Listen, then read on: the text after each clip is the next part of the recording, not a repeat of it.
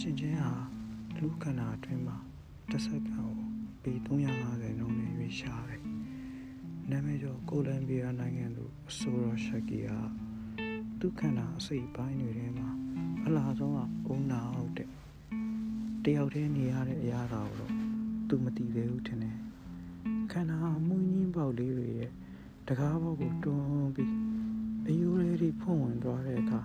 တစားစီပြန့်ကျဲနေတဲ့တယောက်တည်းနေရခြင်းရဲ့အရာတော်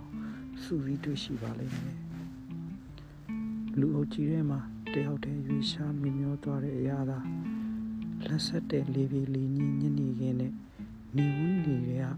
ကတယောက်တည်းပြန်ထွက်လာရတဲ့အရာသာမူရပြီးစားလူကြီးတိတ်ဆိတ်နေတဲ့ညမှာမတ်ဂျူရီမီအောင်ကြောင့်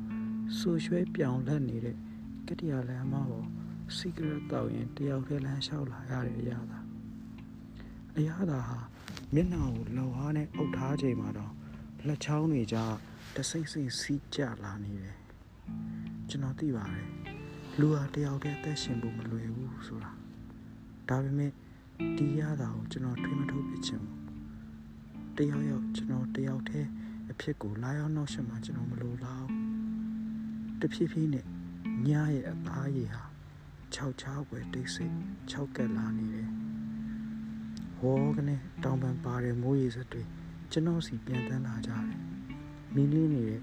ညလုံးပေါက်ကဖေးဆိုင်ကလေးစီအာတာငငယ်လမ်းမသွားခင်ဒီဒီကဘာကြီးထဲမှာကျွန်တော်ဟာတကယ်ကိုတယောက်တည်း